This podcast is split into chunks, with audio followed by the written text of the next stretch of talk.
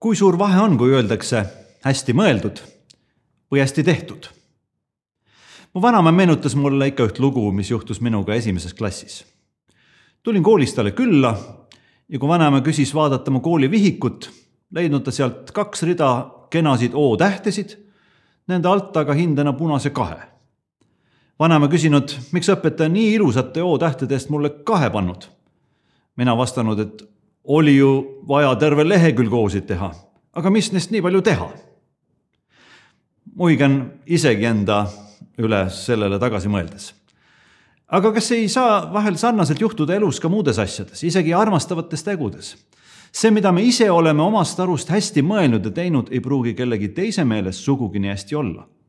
olen seda ise koge-, korduvalt kogenud ja mitte ainuüksi lapseeas, vaid ka täismehena, abielumehena, isegi pastorina. Kuidas siis teada, mis on tegelikult hästi? tavaliselt ütleme me hästi millegi või kellegi sellise kohta, mis või kes vastab meie ettekujutusele sellest, kuidas peaks või kuidas võinuks. näiteks kui ma saanuks oma ilusate O-tähtedest viie, võinuks ma öelda, et mul läks see töö hästi. ma kujutasin ette, et selliste O-tähtede eest võinuks õpetaja mulle viie panna küll. aga kuna ma sain kahe, siis pidin tõdema, et vastupidiselt minu algsele ettekujutusele hästi tehtud tööst, läks mul tegelikult see töö mitte sugugi hästi vaid hoopis halvasti. niisiis jääb hea defineerimisel meie enda ettekujutusest väheks.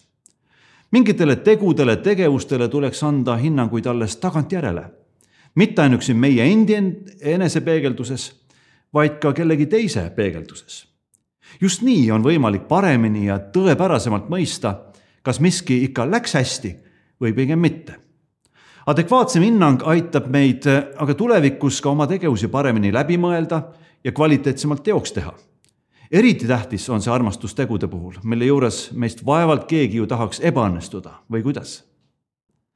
tänasega päädiva videokõneluste seeria eelmistes osades võisime juba kuulda, mida tähendab mõeldud ja mida tähendab tehtud, kui jutt on tegudega armastusest nii rääkis Mooses Leinstrep, kuidas ennekõike mõelda armastuse tegudest seejärel selgitas Mirjam Link, kuidas mõeldud teoks teha.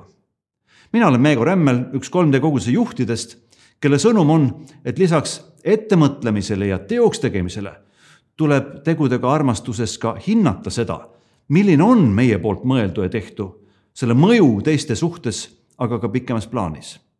nii saame teha ka järeldusi tulevikuks ning õppida oma armastust tegudes paremini väljendama ja seeläbi hästi elama hästi. nimelt see ongi tege-, tegudega armastuse juures oluline, millele ma järgmises kõneluses ka keskendun. mõeldes tegude keeles armastusele, taban end kohe mõtlevat oma abikaasale, Eelikale. kui me abiellusime, oskasin vaevalt ette kujutada, kuivõrd oluline on talle ja meie abielule ning perekonnana toimimisele praktiliste tegude keeles väljendatav armastus. mina ikka rääkisin armastusest, temaga tegutses loomulikult eeldas ta minultki tegutsemist ja ega ma päris tegevuselt ka ei istunud. aga alles aja jooksul hakkasin aru saama, kui tähenduslik ja vajalik oli, on ja jääb tema jaoks ja meie jaoks üheskoos ka see, et ma armastan sind ei kõlaks pelgalt ilusates sõnades või meeldivates hetkedes, vaid ka päriselt teoks tehtud teenivates tegudes. isegi siis, kui see nõuab pingutust või ei ole minu esimene valik olgu või koristamist ette võttes või vajalikke elutarbeid poodi otsima minnes. piibel toonitab meile kõigile, eriti ka minusugustele ebapraktilise armastuse meelega inimestele, et ärgem armastagem sõnaga ja keelega, vaid teoga ja tõega. igaühel on anda tegudega armastuse suhetesse ainulaadne osa mäletan ikka, kuidas me lapsed aitasid kaasa juba väikelapse eas küttepuude kuuri toimetamisel kui veoauto oli tulnud terve talvevaru ühe korraga ukse ette maha kallutanud. jah, minu jõudlus koostöös Eelikaga oli kordi suurem kui meie pojal ja pisitütrel. aga pärast tundsime end kõik ühtviisi hästi ja rõõmustasime üheskoos saavutatu üle. ühised teod ja tegevused liitsid ja liidavad meid armastuses kokku. teadu seda ka omaenda kogemusest, olgu perekondlikus elus, paari suhtes, teenimises koguduse, kogukonna või terve ühiskonna heaks, on ju mida aga tähendab siis hästi armastuse tegudes? ma ei pruugi armastada neid tegusid, mida ma armastuse pärast teen. mul tuleb armastada inimesi, kelle heaks ma neid tegusid teen. nii ei armasta ma koristada või poes käia, aga kui ma neid asju teen, püüan ma endale teadvustada, kelle pärast ma neid asju teen. ja kui ma teen neid armastuse pärast nende inimeste heaks, siis on oluline, et ma teen seda ka võimalikult hästi. Keskpärasus töötab armastuse vastu. Eelik ütleb mulle ikka, et kui sa juba koristama hakkad, korista hoolikalt. poolikult pole mõtet koristada, muidu teed ja lood lihtsalt ilme, et kõik on korras. tegelikkuses on asjalood teisiti ja mitte sugugi hästi. piibel ütleb, et Jumal on armastus. nõnda on Jumal maailma armastanud juba siis, kui ta alles mõtles maailma loomisele ja meiegi elule selles maailmas. Tema loovad teod olid täis jumalikku armastust enne, kui me üldse olemas olime ja tema armastust tundagi võisime. nii toimis ja toimib Jumal oma armastuses meie heaks otse kui armastav ema või armastav isa vastsündinud hea, lapse heaks. võimalikult hästi ja hoolivalt, et kõik oleks ja saaks olema parima võimaliku kvaliteediga. maailm mis oma kosmilises kõiksuses kätkeb ka meie maakera, selle ökoloogilises tervikus, kuhu meidki on elama loodud, on parim võimalik elukeskkond, seda kinnitavad teadlased. just sellises maailmas on eluks parimad eeldused. just siin on parim võimalik elukvaliteet. ja selle eest, et kõik oleks hästi selle sõna parimas tähenduses, on hoolt kandnud meie looja isiklikult juba loomisloos piibel jutustab, kuidas looja peatus iga loova päevade lõpul, et vaadata kõike, mis oli armustusest tehtud ja tõdeda, see oli hea. ning lõppkokkuvõttes ta tunnistas, et kõik sai väga hästi teostatud. tulemus vastas looja parimale ettekujutusele loomistööst. sarnasest loogikast tuleneb ka meie inimlik mõiste hea ja selles arusaamine, mida tähendab hästi kui on miski, mida me oleme mõelnud ja teinud ja see vastab meie parimale ettekujutusele sellest, millisena me oleme selle tulemust tahtnud näha, siis me ütleme selle kohta hea või et antud tegevus õnnestus hästi. aga kõik see tähendab vaid teatud kooskõla meie inimliku ettekujutusega parimast. kellegi heaks midagi teha, tähendab mõelda ja tegutseda nimelt selle isiku heaks vajalik on, et just tema ja mitte vaid meie tunneks end nende tegude puhul hästi, mitte halvasti. oluline on, et see, kelle heaks me midagi teeme, võiks tunda ja tunnistada, et see on tema jaoks hästi. kuidas me toimime, kurjus algab kellelegi millegi peale surumisest. head ei saa peale sundida. sellepärast ongi Jumal nähtamatu suurus, et temasse uskumine ei osutuks meie tunnetuses pealesunnituks piibel õpetab taotlema head Jumala ja tema riigi tahtmises. selleks, et meie mõeldud ja tehtud armastuse teod võiksid olla päriselt hästi mõeldud ja tehtud, tuleb tegudega armastusest mõelda ja seda teoks teha koos Jumala tahet otsides. kõige selgemalt väljendab Jumala tahet inimmaailmas issand Jeesus Kristus ja tema jumalariiklik õpetus Uues Testamendis. kui Jeesuselt küsiti, mis on Jumalale kõige olulisem, Jeesus vastas esimene on, kuule Iisrael, issand, meie Jumal on ainus issand ja armasta issandat oma Jumalat kogu oma südamega ja kogu oma hingega ja kogu oma mõistusega ja kogu oma jõuga. teine on see, armasta oma ligimest nagu iseennast. mingit muud neist suuremat käsku ei ole. ja kui temalt küsiti, mida me peame ette võtma, et teha Jumala tegusid, siis Jeesus vastas, see ongi Jumala tegu, et te usute temasse kelle ta on läkitanud. nii algab hästi elatud elu Jumala ees sellest, et me usume ja usaldame ning järgime oma armastava looja tahet, mida on elanud ja öelnud välja Jeesus isiklikult. kui me võtame selle omaks, hakkame me elama tema järgijatena Jumala tahte kohast usuelu.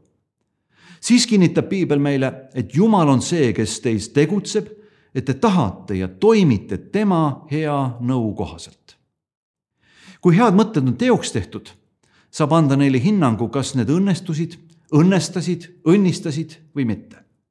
lõpliku hinnangu ja heakskiidu saab anda meie mõtetele ja tegudele mitte inimene ise, vaid see, kes on võimeline inimese mõtteid, tegusid ja nende tagajärgi hindama kõrgemalt kui inimene, kõige kõrgemalt. juba vanatestamentlikel aegadel kuulutas prohvet Miika Jumala rahvale, mis on hea.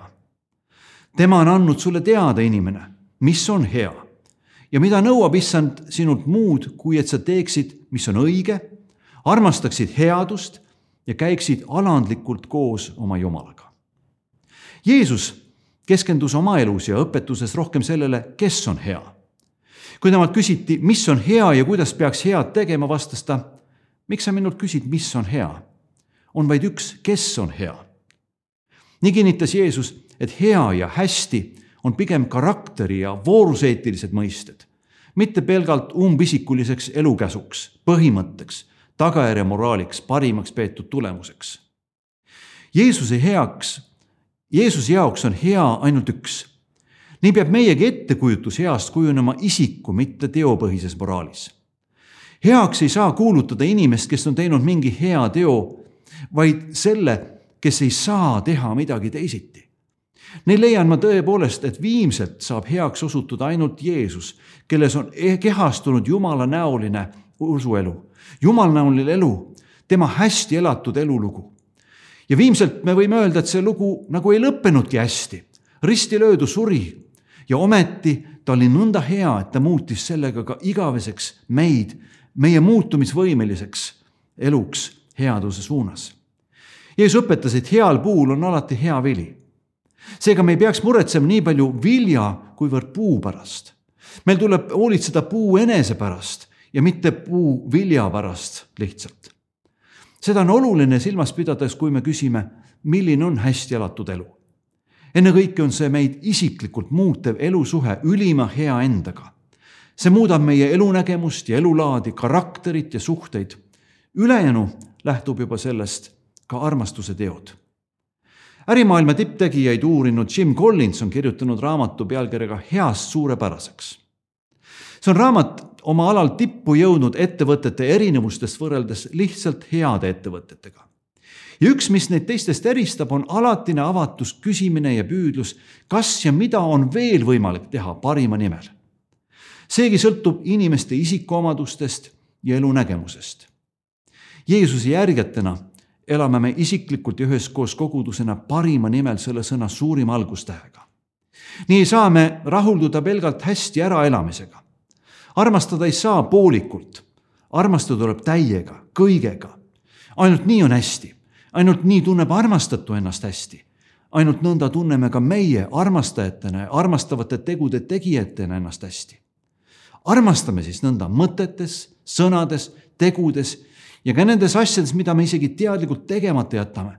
et me elust on hästi näha, kuidas me elame iseendast suurema nimel, armastades Jumalat, kogudust ja inimesi, kes on veel kaugel Jeesusest ja tehes nende nimel teoks ka praktilisi armastuse tegusid, mille kohta võib tõepoolest lõpuks öelda, need olid hästi tehtud. armastuse ees, teod taga nii ütles meie seeri eelmises osas kõnelnud Mirjam. mõeldud armastuses, tehtud armastuses, hinnatud hästi armastuses sul suure algustähega. see ongi, milleks me oleme kutsutud ja saadetud. õnnistatud mõtisklust ja arutelu nüüd nende mõtete valgel